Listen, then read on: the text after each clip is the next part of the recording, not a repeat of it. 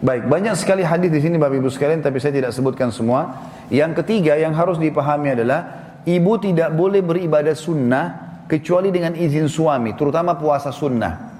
Kalau suami lagi libur, misalnya Senin Kamis, dia lagi cuti hari Senin. Ibu kalau mau puasa izin dulu.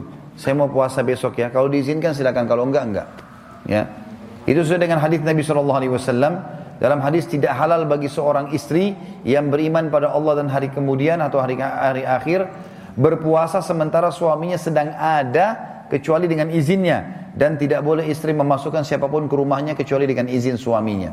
Ya.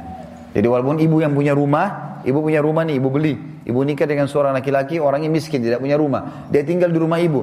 Walaupun itu rumahnya ibu, setelah dia jadi suami, ibu nggak boleh masukkan sembarangan orang di rumah. Sampaikan. Karena dia sekarang penaung dan pelindung di situ. Maka ini perlu digarisbawahi tidak boleh berpuasa terutama sunnah ya. Kata Nabi Shallallahu Alaihi Wasallam dalam hadis yang lain, tidak boleh seorang wanita berpuasa sementara suaminya sedang bersamanya kecuali dengan izinnya. Sama juga kalau bapak ibu kita kan kalau kalau bakti sama orang tua, perhatikan perbedaan antara ketemunya haknya Allah wajib dengan hak wajibnya makhluk. Jadi misal sholat lima waktu, kan itu wajib kita ya. Kalau ketemu itu dengan hak wajibnya makhluk, misalnya bakti sama orang tua.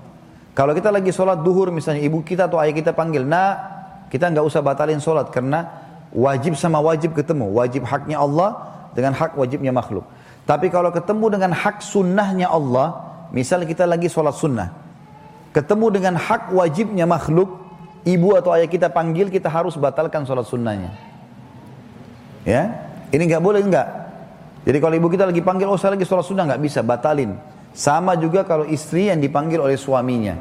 Ini perlu digarisbawahi.